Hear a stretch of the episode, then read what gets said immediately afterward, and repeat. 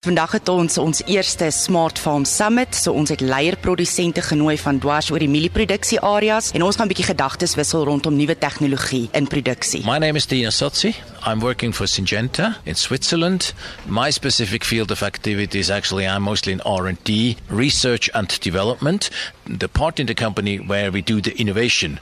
The specific reason why I'm here today is I'm going to talk about formulation when you invent a new molecule, a new chemical molecule, for instance, that controls a disease, then to be able to sell it, you need to formulate it. And what I would like to explain to the farmers here and the, and the distributors is how we do that, what type of technologies we use, what type of questions actually are in the air, so that when actually he uses, when he takes it out of the store, puts it in his tank, it works.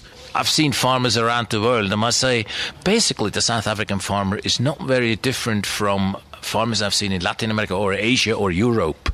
Farmers tend to be very solid people. They're tied to their piece of land. They're proud people. Often they have farms which go back several generations. And for them, it's not just making money. It is really a kind of a, a vocation. They are called to the job. And I've seen this the world over again. When you then talk to the farm, when you get in an interesting discussion, they're very open. You can discuss almost any subject and they're eager to learn because they know there's new things to learn, there's improvements to be made.